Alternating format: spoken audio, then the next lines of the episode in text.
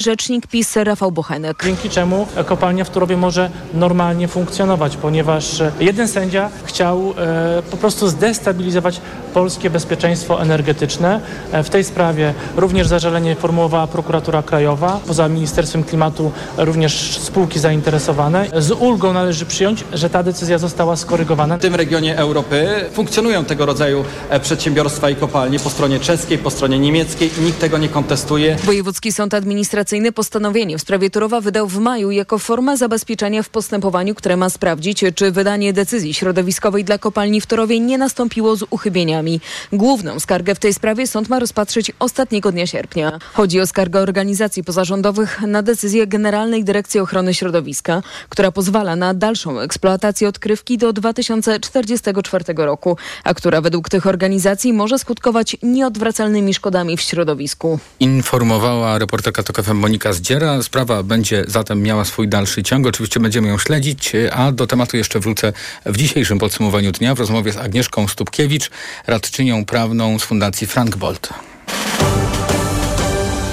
Sytuacja jest trudna, ale pod kontrolą. Tak wydarzenia ostatnich godzin na froncie w Ukrainie podsumował dowódca ukraińskich wojsk lądowych generał Aleksandr Syrski. Według strony ukraińskiej Rosjanie na kierunku y, kurpiańskim zgromadzili aż 100 tysięcy żołnierzy. Y, żołnierze y, utrzymują obronę, ci ukraińscy Nadal walczymy, podkreśla Syrski i dodaje, że Rosjanie przerzucają rezerwy w rejon Bachmutu w obwodzie donieckim, próbując powstrzymać tam postępy sił ukraińskich. Celem rosyjskich ataków jest także portowe miasto Odessa. W wyniku ostrzałów uszkodzona została infrastruktura portu, a także cerkiew i hotel. Ukraińcy wiążą ten atak z kwestią eksportu zboża z Ukrainy przez Morze Czarne, no bo wczoraj Rosja, o czym mówiliśmy w rok 360, wycofała się z tak zwanej umowy zbożowej, która umożliwiała Ukrainie eksport ziarna mimo trwającej wojny. To nieodpowiedzialne posunięcie, które zagraża światowemu bezpieczeństwu żywnościowemu. Ocenił przy okazji posiedzenia ONZ-owskiej Rady Bezpieczeństwa szef ukraińskiej dyplomacji Dmytro Kuleba. Ukraina stoi na stanowisku, że państwa członkowskie ONZ-u powinny zażądać od Rosji kontynuowania porozumienia. Kuleba zwraca uwagę, że wycofanie się Rosji z umowy może doprowadzić, czy wręcz doprowadzi do ponownego szybkiego wzrostu cen zbóż. W sprawę zaangażowane są Stany Zjednoczone. Wzywamy rosyjski rząd do natychmiastowego wycofania swojej decyzji. Współpracujemy i będziemy współpracować z innymi krajami, by rosyjskie i ukraińskie zboże dotarło do reszty świata. Powiedział John Kirby, rzecznik Amerykańskiej Rady Bezpieczeństwa Narodowego. Ukraińcy zaproponowali kontynuację inicjatywy zbożowej Turcji, a także ONZ-owi w takim właśnie formacie trójstronnym, już bez Rosji. A przypomnijmy, że Rosjanie wycofali się z porozumienia, bo jak twierdzą, nie spełniono ich warunków. Głównym warunkiem było ponowne podłączenie rosyjskiego banku rolnego do systemu płatności SWIFT. O tym, co w tej chwili na ten temat mówi się w samej Ukrainie, mówiła w TOK FM Lesia Wakuliuk, dziennikarka i prezenterka ukraińskiej telewizji Espresso jest duże zamieszanie. Oczywiście, że nasza władza szuka jakiegoś wyjścia z, te, z tej sytuacji, w której ukazaliśmy, ale nie tylko my, ale 45 krajów e, na całym świecie, bo z pomocą tej umowy zbożowej właśnie produkcja rolnicza była dostarczana z Ukrainy e, do 45 krajów w Afryce, w Azji, w Ameryce Łatyńskiej, także teraz e, nie wiem jak to będzie. Oczywiście, że prezydent Zeleński proponuje że Ukraina z, z Turcją i e, ONZ może zorganizować e, to, żeby zboże trafiało, zboże i produkcja rolnicza trafiała do tych krajów. No ale oczywiście nikt nie wie, jak w takiej sytuacji, co będzie robić Rosja, która e, tak naprawdę e, prywatyzowała Morze Czarne i teraz znajduje się dużo statków e, wojskowych w Morzu Czarnym. No i proponują, padają takie propozycje z biura prezydenckiego, żeby może zrobić wspólnie z innymi krajami takie patrole wojskowe, które by pomagali statkom dostarczać zboże i produkcję rolniczą. Strona ukraińska wylicza, że w ciągu 11 miesięcy udało się wyeksportować ponad 32 miliony, 2 miliony, 32 miliony ton żywności. Według ONZ e, dzięki temu eksportowi możliwe było obniżenie cen żywności na świecie o 22%. Podsumowanie dnia w Radiu TOK FM. Ambasadorowie państw członkowskich przy Unii Europejskiej przyjęli pakiet sankcji skierowanych przeciwko białoruskim władzom. Blokada dotyczy m.in. produktów wojskowych, broni, amunicji, technologii i produktów lotniczych. Ponadto, jak przekazał stały przedstawiciel Polski przy Unii Andrzej Sadoś, sankcjami zostali objęci wszyscy zaangażowani w skazanie Andrzeja Poczobuta. Sama Białoruś staje się siedzibą części najemników z grupy Wagnera. Dzisiaj do tego kraju dotarła kolejna kolumna składająca się z około 100 pojazdów, o czym informuje projekt e, białoruski Hajun, który zajmuje się obserwacją aktywności wojsk. Wcześniej na Białoruś przybyła e, czwarta kolumna składająca się z około 80 pojazdów. Ukraiński wywiad szacuje, że do tego kraju przybyło dotąd e, już około 700 najemników. Część z nich będzie pod kuratelą Łukaszenki. Komentował w audycji połączenie Michał Kacewicz z telewizji Bielsat. W razie czego, gdyby tam się pojawiły jakieś y, pomysły na kolejne jakieś działania, nie pomyśli Kremla, no to y, oni są pod kontrolą Łukaszenki, a, a białoruskie służby y, nie mają, czy też armia białoruska, białoruskie siły zbrojne nie, nie miały przecież z nimi bezpośrednich kontaktów wcześniej rozbudowanych, tak jak chociażby y, armia rosyjska, zwłaszcza te, te jednostki, te struktury, które są tam na południu Rosji w bezpośredniej strefie przyfrontowej. Więc tutaj nie ma tych relacji, w związku z czym ci Wagnerowcy w zasadzie mogliby być bardzo szybko spacyfikowani przez Białorusinów. Którzy, jak podkreślał gość Jakuba Janiszewskiego, y, właśnie Białorusini nie mieli y, dotychczas związków z Wagnerowcami, w odróżnieniu od rosyjskiej armii, szczególnie w y, południowej części Rosji sąsiadującej z Ukrainą. Według rosyjskich mediów Wagnerowcy mają stacjonować w byłej bazie wojskowej białoruskich wojsk rakietowych.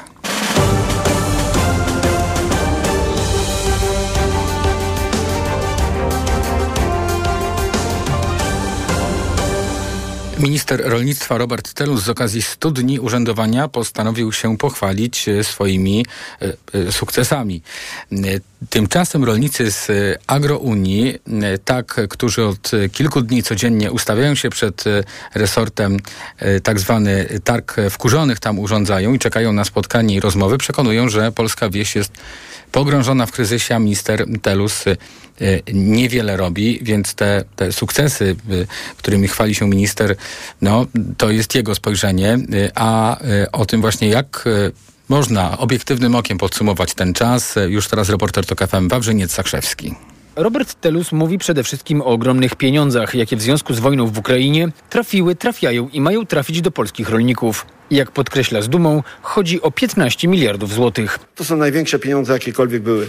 I na co, drodzy Państwo, jak tu już widzicie, i na nawozy, na nawozy 2,22, nawozy 2,23. Jesteśmy jedynym krajem w Unii Europejskiej, jedynym krajem, który dofinansowuje swoich rolników, jeżeli chodzi o zakup nawozów. A przecież problem nawozów nie był tylko w Polsce. Do pszenicy, gryki, kukurydzy, pszenicy, gryk, i gryki, yy, kredyty płynnościowe, o którym Państwu mówiłem, paliwo rolnicze, dodatki, yy, yy, dodatkowe środki. Oraz jeszcze wiele innych rzeczy. I jak zauważa minister, środki na pomoc dla rolników to w zdecydowanej większości środki krajowe. 15 miliardów złotych złotych dla polskiego rolnika. I jeszcze raz się odniosę do tych, którzy to krytykują, że to jest rozdawnictwo. To nie jest żadne rozdawnictwo. Jeżeli ktoś te, tak mówi, to znaczy, że nie rozumie, nie rozumie sprawy bezpieczeństwa żywnościowego. To jest nasz obowiązek i my spełniamy ten obowiązek. To jest obowiązek każdego rządu y, odpowiedzialnego. My ten obowiązek spełniamy. Polityka dopłat, którą realizuje Robert Telus, to jest polityka krótkiej wyobraźni. To jest polityka mnożenia problemów i nierozwiązywania ich. To jest polityka pchania nas w beznadziejną sytuację i bezproduktywnego rozdawania pieniędzy y, na potrzeby kampanii wyborczej. Koniec, kropka. Odpowiada szef Agrounii, tak, Michał Kołodziejczak, który wyjaśnia, że rolnicy zamiast zalewania ich państwowymi, bo nie należącymi przecież do PiSu pieniędzmi, czekają na dobre rozwiązania, które pozwolą im godnie żyć i pracować. Tymczasem zdaniem Kołodziejczaka obecnie rządzący ani w czasie kryzysu zbożowego wywołanego napływem ziarna z Ukrainy, ani obecnie w związku z trudną sytuacją producentów owoców miękkich, głównie malin, po prostu sobie nie radzą. I stąd targ wkurzonych przed resortem rolnictwa, który Robert Telus uważa za happening polityczny. Dziś, jeżeli ktokolwiek tą trudną sytuację wojenną wykorzystuje do swojej walki politycznej, to znaczy, że nie dorósł do polityki. To znaczy, że to jest po prostu polityk w krótkich majtkach. To ja się na takie coś nie zgadzam. Ja uważam, że rozmawiajmy o problemie, bo to jest problem. Rozwiążmy problem, ale nie na zasadzie happeningów. Już wystarczająco dużo nas upokarza ministerstwo, kiedy tu stoimy 6 dni i minister tego nie chce widzieć. I ja zrobię wszystko. Jak trzeba, ja mogę tutaj razem z nim w krótkich spodenkach zatańczyć. Bo lider Agrounii, tak jak i minister, zapewnia, że zrobi wszystko, żeby poprawić sytuację polskich rolników. Wawrzyniec Zakrzewski, TOK FM.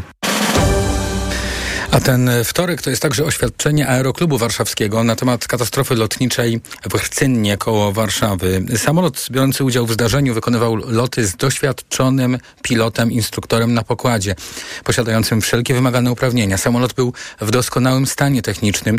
Niespełna przed miesiącem przyszedł gruntowny e, przegląd, e, poinformował zarząd Aeroklubu.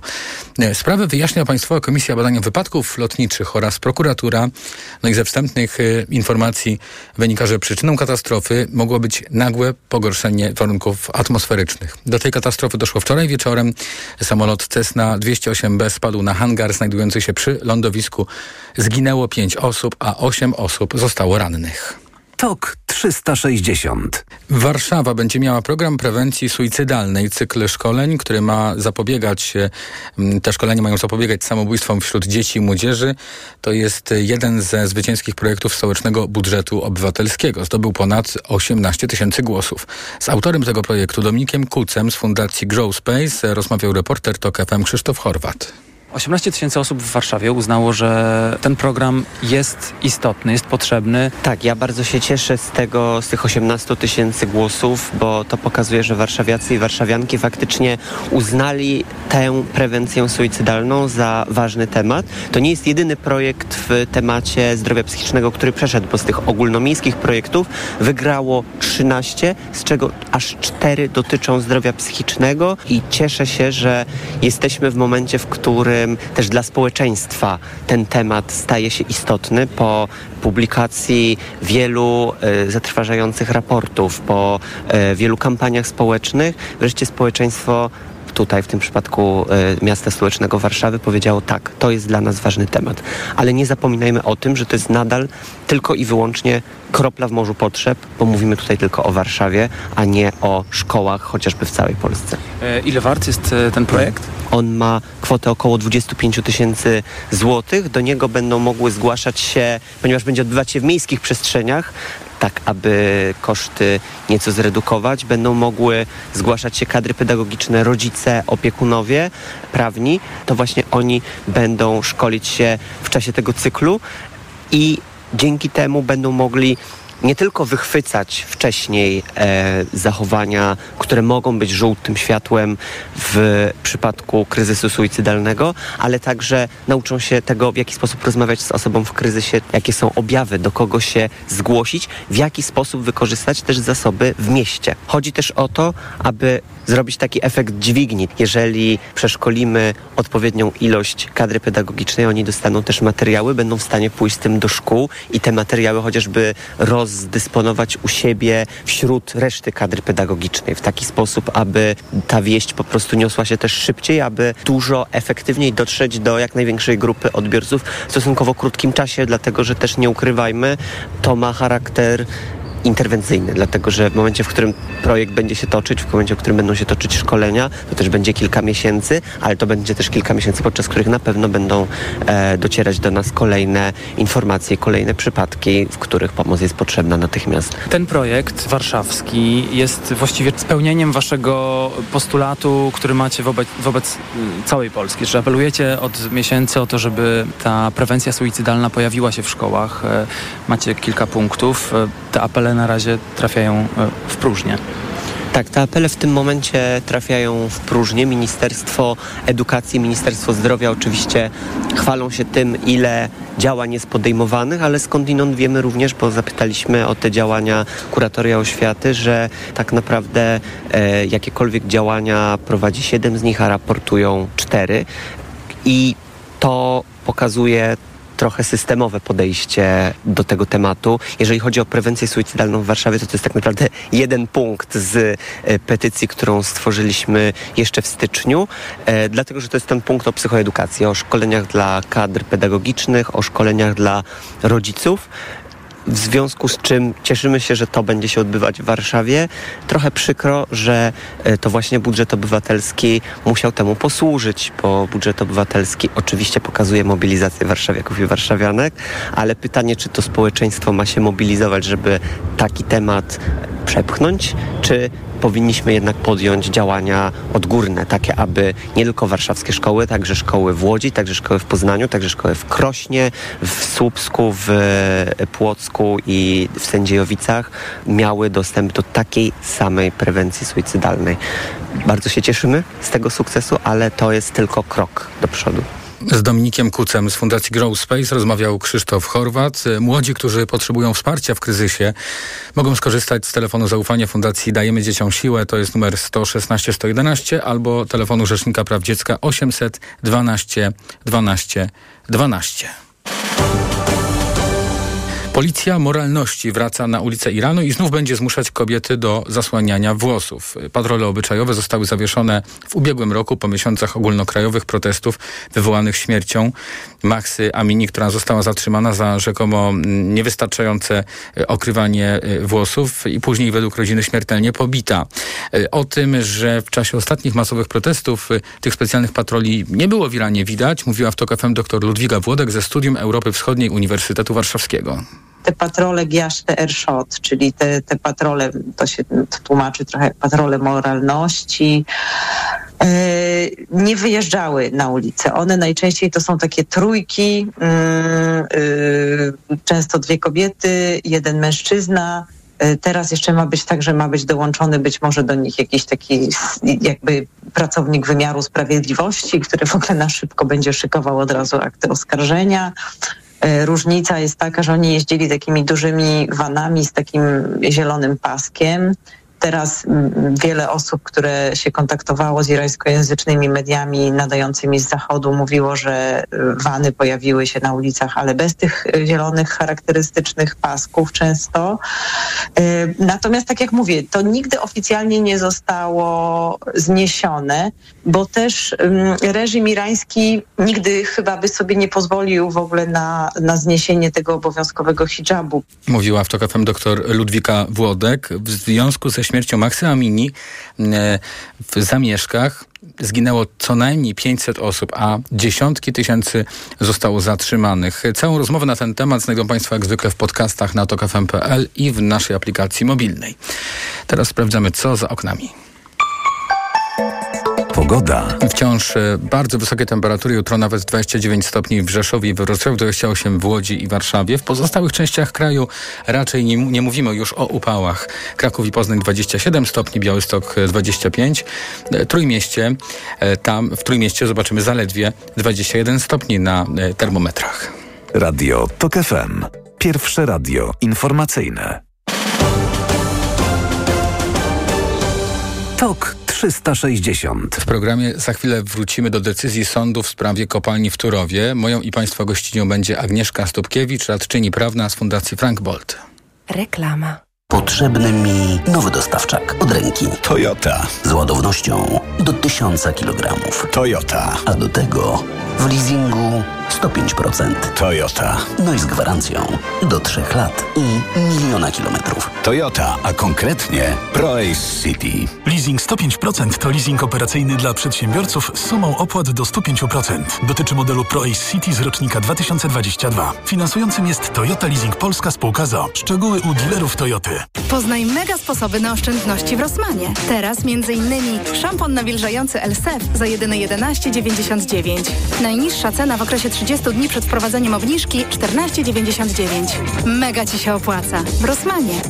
Książki, magazyn do czytania w najnowszym numerze Cormac McCarthy, Ostatni mędrzec Ameryki, Olga Tokarczuk, opowieści, którą kocha najbardziej oraz propozycje najciekawszych książek na wakacje. Książki, magazyn do czytania już w sprzedaży.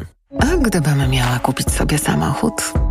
Taki najfajniejszy, którym zabiorę całą rodzinę i pojedziemy w najwspanialszą podróż. Żeby był taki najlepszy, najładniejszy. Może Kia Sportage? Kia Sportage. Najchętniej wybierany SUV w Polsce w 2022 i w pierwszej połowie 2023 roku według danych CEPIK. Sprawdź, czy jest naj w najnowszej propozycji finansowania. Kia. Movement that inspires. Reklama. Tok 360. Jest z nami Agnieszka Stopkiewicz, radczyni prawna z Fundacji Frank Bolt. Dzień dobry, witam w Radiu Tok FM. E, dzień dobry. Będziemy rozmawiali o decyzji Naczelnego Sądu Administracyjnego, która dotyczy kopalni w Turowie. Mianowicie e, sąd uwzględnił zażalenia m.in. Generalnej Dyrekcji Ochrony Środowiska. E, no i rządzący odetchnęli z ulgą. A wcześniej słyszeliśmy głos samego premiera, który mówił o tym, że decyzja sądu, która miałaby skutkować zamknięciem kopalni, nie będzie decyzją, którą władze będą wykonywać. Jak rozumiem teraz ten wyrok, znaczy ta decyzja wydana przez sąd się podoba. Y, rządzącym. Y, proszę wyjaśnić słuchaczom, w jakim miejscu jesteśmy w ogóle, jeśli chodzi o spór y, o kopalnię w Turowie, który z kolei z perspektywy obrońców środowiska wygląda tak, że ta kopalnia czyni ogromne straty dla środowiska. E, tak, bo tak jest w rzeczywistości. Kopalnia Turów jest odpowiedzialna e, za emisję olbrzymich ilości gazów cieplarnianych, ale oprócz tego w sposób nieodwracalny e, kształtuje stosunki wodne, oddziaływuje na wody podziemne, wody powierzchniowe. Jest źródłem hałasu, zapylenia, również w bardzo drastycznym stopniu zmienia życie mieszkańców okolicznych miejscowości, którzy żyją na krawędzi 200-metrowej dziury, którzy muszą na co dzień znosić wszelkie negatywne oddziaływania, e, a kopalnia jest sąsiadem trudnym i niebezpiecznym. E, mhm. Dlatego też e, w naszym interesie, i, który reprezentujemy w interesie społecznym, leży jak najszybsze zamknięcie tej odkrywki i podjęcie wszelkich możliwych działań, e, aby te działania nastąpiły jak najszybciej, łącznie z sprawiedliwą transformacją e, regionu zgorzeleckiego. A co ta decyzja e, sądu, o której mówimy, ta, z powodu której dzisiaj się w ogóle spotykamy w programie, oznacza? Czy to jest zielone światło dalej dla kopalni? Ta decyzja to jest wyłącznie kwestia rozstrzygnięcia sprawy wpadkowej w postępowaniu głównym, które dotyczy e, kontroli decyzji środowiskowej dla przedsięwzięcia. E, w Polsce proces uzyskiwania koncesji na wydobywanie kopalin, ale również jakichkolwiek innych procesów inwestycyjnych został podzielony na dwa etapy. W pierwszym etapie należy uzyskać decyzję środowiskową, czyli dokument, który określi wszelkie aspekty środowiskowe funkcjonowania inwestycji, a w drugim etapie e, możliwe jest uzyskanie koncesji e, bądź pozwolenia, e, w tym przypadku koncesji.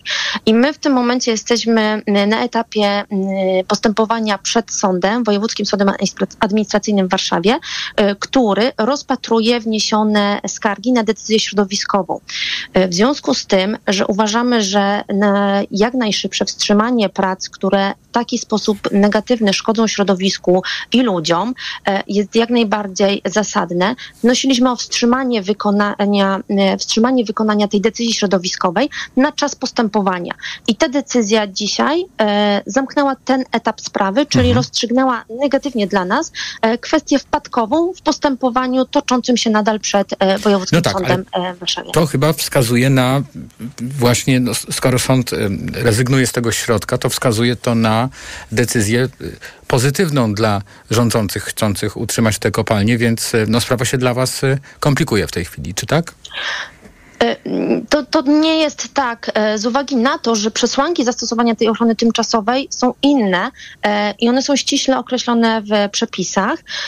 Natomiast jeżeli chodzi o badanie tego, czy decyzja środowiskowa została wydana zgodnie z prawem, analizowana jest cała sprawa w całej jej rozciągłości, wszelkie aspekty i Wojewódzki Sąd Administracyjny dopiero będzie badał, czy ta decyzja merytorycznie jest poprawna i czy te uchybienia uchybienia, które podnosiliśmy, faktycznie zaistniały, e, a być może sąd dopatrzy się jeszcze jakichś dodatkowych uchybień. E, dlatego też dzisiejsze postanowienie w tej głównej sprawie niewiele zmienia. Mhm. E, a proszę powiedzieć, czego w takim razie spodziewać się dalej w tym procesie dotyczącym kopalni? No bo sprawa wraca na wokandę w sierpniu.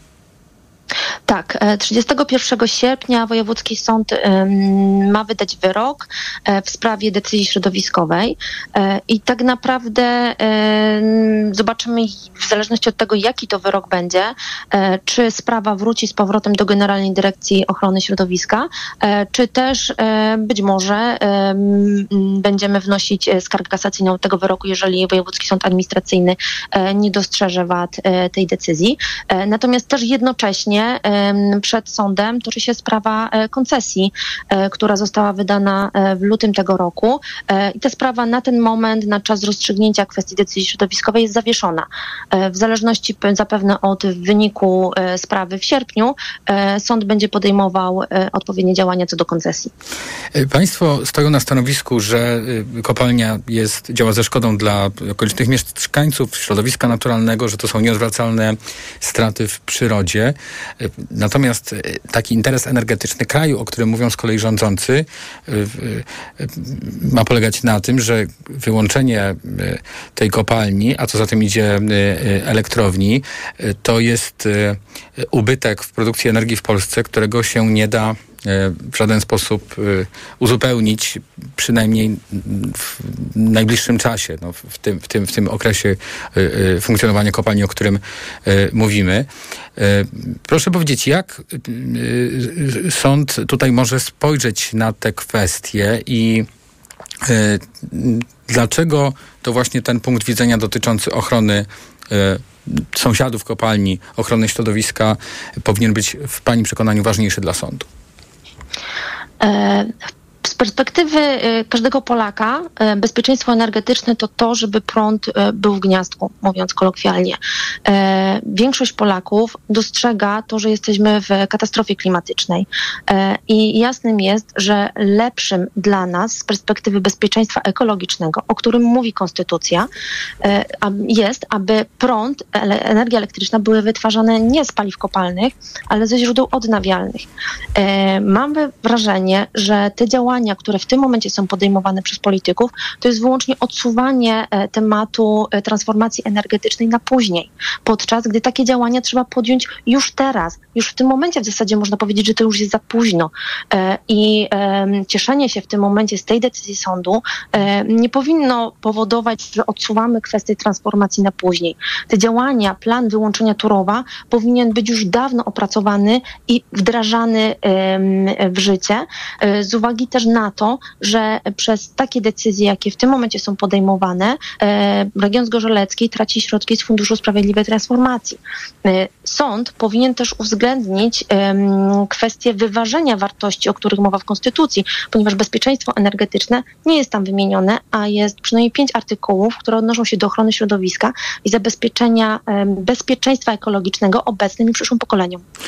Czy y ta kopalnia ma takie formalne podstawy, żeby funkcjonować dalej legalnie. To znaczy, y, pani mówi w, y, o tym, że no chociażby z konstytucji wynika to, że mamy prawo żyć w czystym środowisku, ale nie ona jedna zanieczyszcza środowisko. E, oczywiście, oczywiście. E, mówiąc o e, kopalniach, mówiąc o zapewnieniu energii elektrycznej, bezpiecznej energii elektrycznej, to się tyczy wszelkich innych elektrowni, które opierają się o paliwa kopalne. No tak, ale gdybyśmy wyłączyli wszystkie te elektrownie, to by w Polsce zgasło światło chyba. E, dlatego potrzebujemy działań e, i e, bardzo dziwi to, że w tym momencie takie działania są podejmowane opieszale. Wspominając choćby politykę energetyczną Polski, która w momencie, kiedy została opublikowana, była już nieaktualna. Mówimy o bezpieczeństwie energetycznym, podczas gdy dzisiaj, ale i również 31 maja i w szeregu innych dni, to równie pracował pełną mocą. Mm, notorycznie najnowszy blok uruchomiony dwa lata temu E, jest w, na etapie planowanego wyłączenia bądź planowanego remontu. Czy to jest e, bezpieczeństwo energetyczne? Nie sądzę. Proszę jeszcze powiedzieć na koniec, jak długo ta batalia może jeszcze potrwać, bo pani już mówiła o tym, co e, będziecie robili w zależności od kolejnych decyzji sądu. Kiedy będzie finał tej sprawy? Ja wiem, że to jest trudne pytanie. To jest bardzo trudne pytanie z uwagi na to, że e, w tym momencie te rozstrzygnięcia zapadały względnie szybko z uwagi na stosowanie takiego przyspieszonego trybu określonego w prawie w przypadku właśnie decyzji środowiskowej, ponieważ polski ustawodawca e, miał poczucie, że kwestie e, decyzji środowiskowej są kluczowe i muszą zapadać szybko. Dlatego też dzisiejsze postanowienie NSA dziwi. Natomiast jeżeli ten wyrok zostanie już wydany, jeżeli będzie zaskarżony skargą kasacyjną, czy przez e, stronę inwestora, e, organu, czy też przez organizacje społeczne zaangażowane w ten spór, e, no to myślę, że możemy rozstrzygnięcie ostateczne liczyć w, w latach. Też postępowania administracyjne są z, z postępowaniami zawiłymi. Sprawa może jeszcze wrócić ponownie do organu. Mhm. W związku z tym niestety nie spodziewałabym się szybkiego zamknięcia tej sprawy. Jeszcze na koniec chciałem bardzo krótkie pytanie, licząc na krótką odpowiedź, zadać pani. Czy pani jest spokojna o to, że sąd będzie o, o, y, odporny na jakieś takie polityczne naciski, czy taki kontekst polityczny w tej sprawie? E, ja wierzę w niezawisłość sądów. Bardzo dziękuję. Agnieszka Stupkiewicz, radczyni prawna z Fundacji Frank Bolt była razem z nami w podsumowaniu dnia, a już za chwilę połączymy się z Szymonem Jacczakiem z Wirtualnej Polski, a będziemy rozmawiać o kolejnym odcinku afery wokół PZPN. Reklama. Ikonę stylu rozpoznasz po złowionych spojrzeniach. Nowy Lexus LBX. Crossover pełen ultranowoczesnych technologii. Przygotuj się na najmodniejszą premierę roku. Nowy Lexus LBX. Łowca spojrzeń. Zapraszamy na pokazy przedpremierowe. Szczegóły na lexusmyślnikpolska.pl Lexus. Elitarny w każdym wymiarze. Promocja od jednej sztuki? No proste, że Waldi. Tylko w tę środę wszystkie kasze aż 30% taniej. Tak, aż 30% taniej. Więcej okazji na aldi.pl. Raz Aldi. Zawsze coś z Aldi. Teraz w Carrefourze akcja antyinflacja. Wybrane kosmetyki do opalania w promocji drugi tańszy produkt 50% taniej, a artykuły małego AGD z rabatem do 20% w postaci e-kuponu na kolejne zakupy. Oferta ważna do 22 lipca. Szczegóły na carrefour.pl. W BMW do kreowania lepszego jutra napędza nas odwaga i pasja tworzenia. To dzięki nim od lat dajemy radość z jazdy. To ona nas wyróżnia. Teraz odkryjesz ją bez kompromisów w promocyjnym leasingu 0% na wybrane modele. Wybierz BMW Serii 3, biznesową limuzynę z panoramicznym ekranem dotykowym lub BMW X3, miejskie auto o terenowym obliczu. Szczegóły w salonach i na bmw.pl. BMW. Radość z jazdy. Castorama przebija! Oto najlepsza kuchenna promocja! Kup modułowe meble kuchenne z wyposażeniem i odbierz aż 15% zwrotu na kartę podarunkową. Przyjdź do sklepu do 27 sierpnia i skorzystaj z topowej promocji. Szczegóły w regulaminie w sklepach i na castorama.pl. Ale chwileczkę, bo w Biedronce są biedronkowe oszczędności. Do soboty! Wszystkie lody familijne Grycan od 500 do 1100 ml, drugi produkt 70% taniej. Do tego tylko z kartą Moja Biedronka wszystkie soki, smoothies, lemoniady i napoje Vital Fresh. 2 plus 1 gratis. Limit dzienny 6 produktów, maksymalnie 2 gratis na kartę. Oraz ser w plastrach Światowit 300 gramów Gołda lub Podlaski. 5,79 za opakowanie przy zakupie dwóch. Limit dzienny 4 opakowania na kartę. Szczegóły na biedronka.pl Czeka Cię pracowite lato? Potrzebujesz pomocnika na długie lata? Samochody dostawcze Opel czekają na Ciebie. Dostępne od ręki modele Movano, Vivaro i Combo objęte są leasingiem 101%, zarówno w wersjach z napędem spalinowym, jak i elektrycznym. Przyjdź i wyjedź własnym samochodem. Niech Twój biznes nabierze rozpędu. Szczegóły u dealerów i na opel.pl. Reklama. Tok 360. To podsumowanie dnia w Radiu Tok FM. Mamy kolejną odsłonę afery wokół PZPN e, związanej z wyjazdem razem z naszą reprezentacją na mecz do Mołdawii skazanego za korupcję Mirosława Stasiaka. Po tym, e, jak jeden ze sponsorów kadry oświadczył, że rozważa zmianę formuły współpracy z PZPN-em, właśnie po e, ujawnieniu tych informacji, pojawił się właściwie kolejny skandal, można powiedzieć, dlatego że dyrektor wytwórni Disco Polo, i tu już się zaczyna ciekawie, należącej do prezesa PZPN Cezarego Kuleszy, uaktywnił się w komentarzach w internecie i zaczął no, użyję takiego sformułowania, obrzucać e, błotem e, sponsorów. W tej sprawie już teraz łączymy się z Szymonem Jadczakiem z Wirtualnej Polski, który e, ten wątek sprawy właśnie ujawnił. Witam panie redaktorze. Witam, dzień dobry. No to jakby pan mógł właśnie e, e, powiedzieć pokrótce o tej aktywności człowieka zależnego e, od prezesa Stasiaka i o jego komentarzach?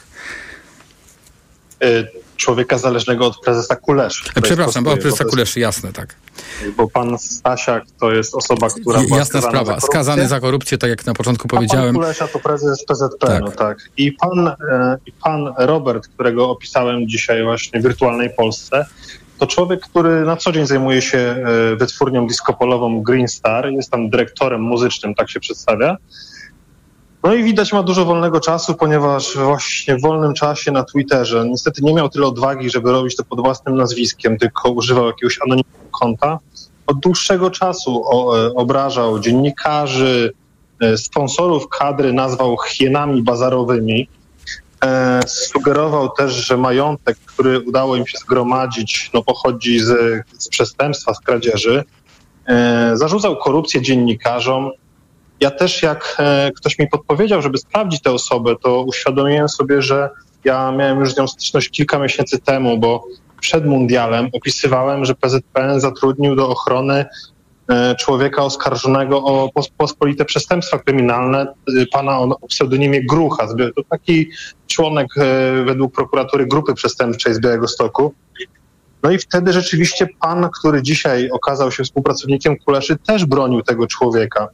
Więc no taka bardzo ciekawa postać, tylko że niestety y, szkodząca wizerunkowi PZPN-u, no i wizerunkowi polskiej piłki.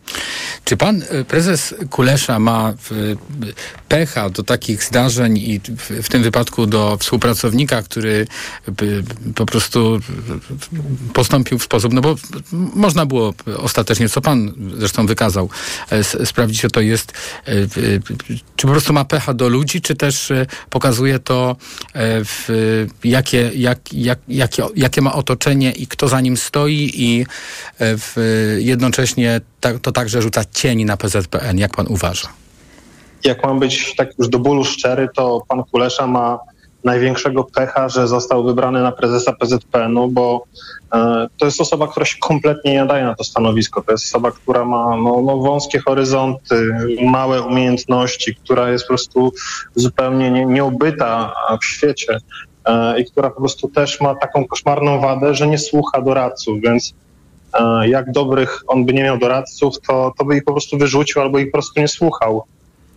Więc to jest takie to jest tak duże nagromadzenie negatywnych cech y, w jednym człowieku, mm, które po prostu zaprzeczają e, jakimkolwiek y, umiejętnościom dobrego menadżera, że naprawdę aż trudno sobie wyobrazić, że ktoś mógłby być tak złym prezesem, a okazuje się, że każdego dnia on jest coraz gorszym e, prezesem, więc no to jest rzeczywiście dramat dla PZPN-u i polskiej piłki. A proszę powiedzieć, to zachowanie tego e, współpracownika, e, prezesa PZPN-u, to pisanie tych komentarzy, to jest jak, jakaś po prostu jego w, w pańskiej ocenie taka radosna twórczość w internecie, czy może w, jest to jakoś skoordynowane? Jak to w ogóle odbierać? Wie pan co, e, e, ludzie, którzy do mnie pisali, mówią, że to jest człowiek, który na przykład miał e, jako pierwszy informacje, kto zostanie trenerem kadry, czyli miał jakieś informacje pochodzące z poufnych źródeł. No, dzisiaj wiemy, kto mógł być źródłem tego, tych przecieków, ale też to nam jakoś pozwala wyobrazić sobie, że to nie jest postać, która przypadkowo wpadła na, na, na, na Cezarego Kuleszę i gdzieś tam po prostu, tylko to jest ktoś, kto orbituje w jego środowisku, no to, to też mówi, jakie to jest środowisko, kim otacza się Cezary Kulesza, jacy to są ludzie, jakiego kalibru. Co pokazuje cała afera związana właśnie z wyjazdem y, Mirosława Stasiaka na ten mecz do y, y, Mołdawii, bo PZPN chciał tutaj jakoś umyć ręce. Jednocześnie im więcej słyszymy tłumaczeń na ten temat, tym gorszy obraz tego wszystkiego się wyłania, podczas gdy w ostatnich latach afery wokół PZPN-u raczej uciechły, u, ucichły. I to, to wrażenie nie było tak złe, a teraz jest coraz gorsze. No, to jest obraz jakiejś kompletnej degrengolady organizacji, która dryfuje, która nie ma szefa, no, a jeśli ten szef jest potrzebny, to po prostu zachowuje się zawsze źle. Wybiera, wybiera zawsze. Wie pan, to naprawdę trzeba mieć dużo talentu, żeby mm, w każdym możliwym e, kryzysie wybrać najgorsze możliwe rozwiązanie. E, więc to jest organizacja, która gdzieś tam po prostu umiera e, w środku, bo, bo, bo ci ludzie przecież widzą, kto nimi rządzi, widzi. Do, do niedawna to naprawdę. Mhm. Ale to było lepiej przed chwilą, jeszcze przed prezesem Kuleszą, czy też po prostu nie widzieliśmy tego? Jeszcze, jeszcze Oczywiście można mówić, że to jest y, przypudrowany wizerunek y, za poprzedniego prezesa i, i, teraz to po prostu wszystko jest y, tak samo, tylko bez, bez PR-u, ale wydaje mi się, że jednak e, ryba psuje się od głowy i jeśli tutaj ta ryba, no, mm, no ta głowa nie domaga, no to reszta też nie ma prawa działać, tak? No przecież na końcu decyzję podejmuje prezes. Jeśli prezes podejmuje złe decyzje, to jak dobrze by ci pracownicy tam pod nim nie działali, to na końcu ich praca i tak jest niweczona. Zresztą tak to wygląda no, z, z informacji, które, poda, które, podawali inni dziennikarze. Wynika, że całej tej afery by nie było, gdyby prezes Kulesza zgodził się na to, żeby po, po prostu na samym początku, po moim artykule, wydać oświadczenie, w którym PZPN przeprasza najzwyczajniej sponsorów, bierze to na siebie. No ale wtedy prezes powiedział nie, ja zrobię po swojemu, no i zrobił. To jeszcze na koniec zapytam, czy tego pudru starczy na obecnym etapie, żeby y, to wszystko jakoś minęło, y, a pan prezes dalej y, był na stanowisku. No tutaj, tutaj mam dobrą i złą wiadomość. Dobrą wiadomość dla dziennikarzy śledczych, złą wiadomość dla kibiców. Jeszcze nigdy w historii żaden prezes PZPN-u nie podał się do dymisji i prezes Kulesza też się nie poda bo po prostu nie musi. Bardzo dziękuję za ten komentarz. Szymon Jatrzek, dziennikarz wirtualnej Polski, był razem z nami w TOK 360, a już za chwilę połączymy się z profesorem Tomaszem e, Gabrielewiczem, e, którego będę pytał o chorobę e, Alzheimera. To już za kilka minut.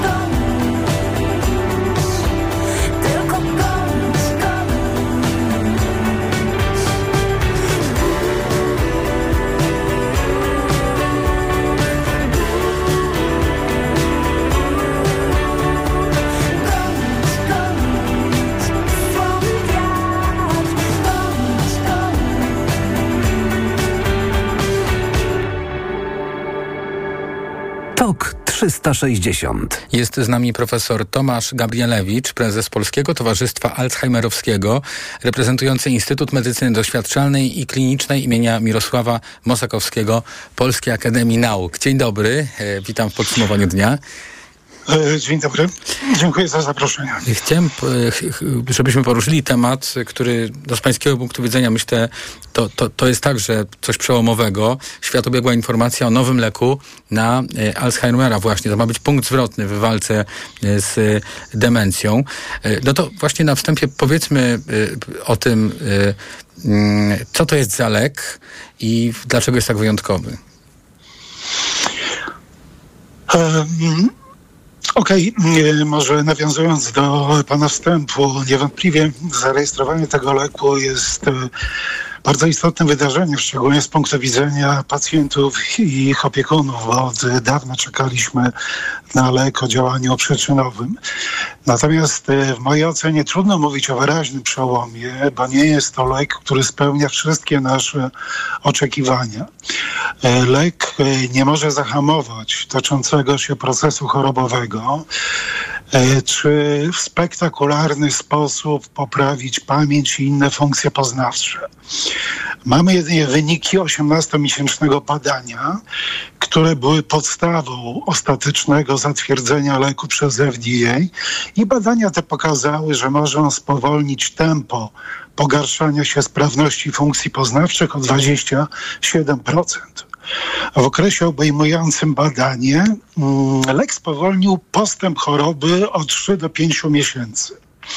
Natomiast jeszcze lepsze wyniki uzyskano w analizie miar jakości życia, co wyrażało się spadkiem średnio o 50%. Natomiast e, z naukowego punktu widzenia możemy mówić o pewnym przełomie. Dlaczego? Ponieważ e, wszystkie dotychczasowe badania kliniczne kończyły się niepowodzeniem, a było tych badań bardzo dużo.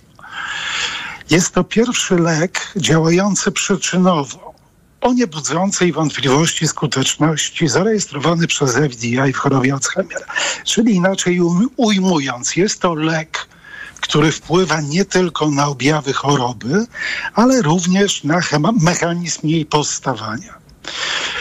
E, jaki to mechanizm? Mechanizm działania lekanemabu związany jest z tak zwaną hipotezą kaskady amyloidowej, zgodnie z którą przyczyną zaniku neuronów i zwyrodnienia u pacjentów z chorobą Alzheimera e, jest odkładanie się w mózgu dwóch białek o patologicznej strukturze.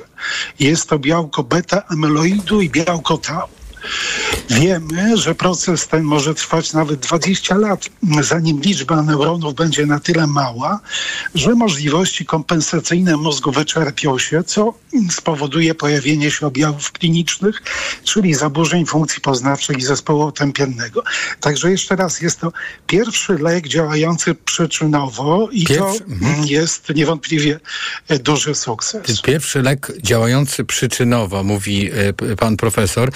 A jednocześnie no, co jakiś czas słyszymy y, o tym, że możliwy będzie przełom w leczeniu tej choroby, że, że, że jest przełom, czy lekarze, naukowcy są blisko, blisko przełomu, czy y, jakiej rangi to jest osiągnięcie? Czy to jest y, właśnie jeden z tych suk takich sukcesów, które już pewne w walce z tą chorobą były, czy coś, czego jeszcze nie było? Ja myślę, że zarejestrowanie lekanemabu to, to, to jest pierwszy mały krok. Od wielu lat badamy leki o podobnym mechanizmie działania. I tak naprawdę to już w roku 2021 FDA zarejestrowało lek o podobnym mechanizmie o nazwie aducanumab. Zarejestrowało w Stanach Zjednoczonych. Z tym, że mm, działanie mm, tego leku budziło duże kontrowersje. Głównie chodziło o skuteczność leku, e, potencjał e, generowania objawów niepożądanych pożądanych, no i bardzo wysoki koszt terapii. W przypadku leko, lekanemabu mm, tych kontrowersji nie ma. e, bo tutaj skuteczność jest zdecydowanie większa niż w przypadku e, leku poprzedniego. No i przewidywany koszt kuracji mamy, przynajmniej taką nadzieję, będzie nieco, nieco niższy.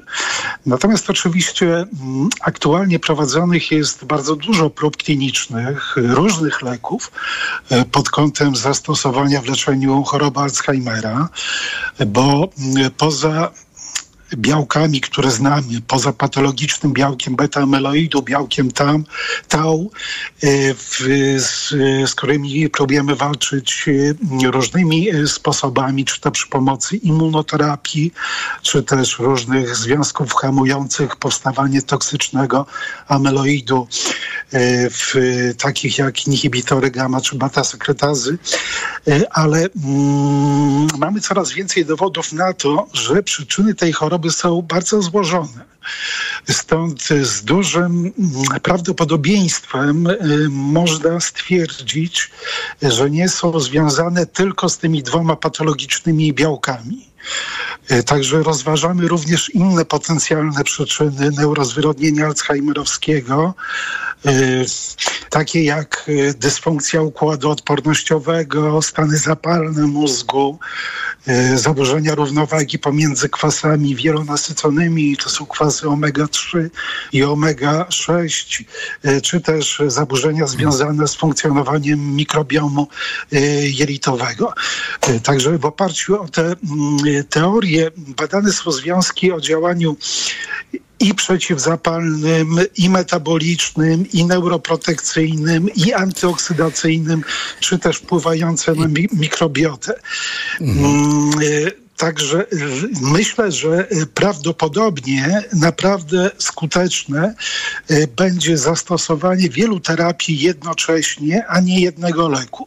Ale okej, okay, jest to pierwszy krok do skonstruowania takiej takiej, takiej, takiej terapii, terapii, która będzie tak, już naprawdę biorąc pod uwagę dotychczasowe możliwości skuteczna. Panie profesorze, chciałem pana jeszcze poprosić na koniec o taki, taką jakby krótką krótką informację dotyczącą tego, co teraz. Y, czy należy się spodziewać, że pacjenci w Polsce, że pacjenci, z którymi Pan ma do czynienia, ten nowy lek otrzymają i że zacznie się jakaś nadzieja dla ich rodzin także i dla nich samych? E, przykro mi na razie nie. E, pamiętajmy o tym, że na razie lek jest dopuszczony do stosowania tylko w Stanach Zjednoczonych. Natomiast z tego co wiem, e, producent planuje złożenie wniosku do Europejskiej Agencji Leków w kwietniu przyszłego roku. Y, także mm, lek na razie w Europie, no i oczywiście w Polsce nie jest, y, nie jest dostępny. Y, I też, w, Szanowni Państwo, mm, musimy sobie zdawać z tego sprawę, że są dosyć duże ograniczenia związane z kwalifikacją pacjentów do leczenia bo są to tylko i wyłącznie pacjenci we wczesnej fazie, fazie rozwoju choroby Alzheimera. No i trzeba pamiętać o tym, że mm, kuracja jest y, kosztowna. Y, w Stanach Zjednoczonych y, koszt samego y, leku wynosi rocznie około 26,5 tysiąca dolarów. Do tego jeszcze trzeba dodać koszty pośrednie związane z kwalifikacją pacjentów do badania i potem monitor monitorowaniem bezpieczeństwa kuracji. Bardzo dziękuję. E, profesor Tomasz Gabrielewicz, prezes Polskiego Towarzystwa Alzheimerowskiego, reprezentujący Instytut Medycyny Doświadczalnej i Klinicznej imienia Mirosława Mosakowskiego Polskiej Akademii Nauk. Był razem z nami w podsumowaniu dnia. To była audycja TOK 360, którą przygotował Michał Tomasik. Audycję realizował Adam Szuraj, a ja nazywam się Wojciech Muzal i bardzo Państwu dziękuję za nasze dzisiejsze spotkanie. Podsumowanie dnia ponownie już jutro po godzinie 18. Do usłyszenia. Podsumowanie dnia w Radiu TOK FM.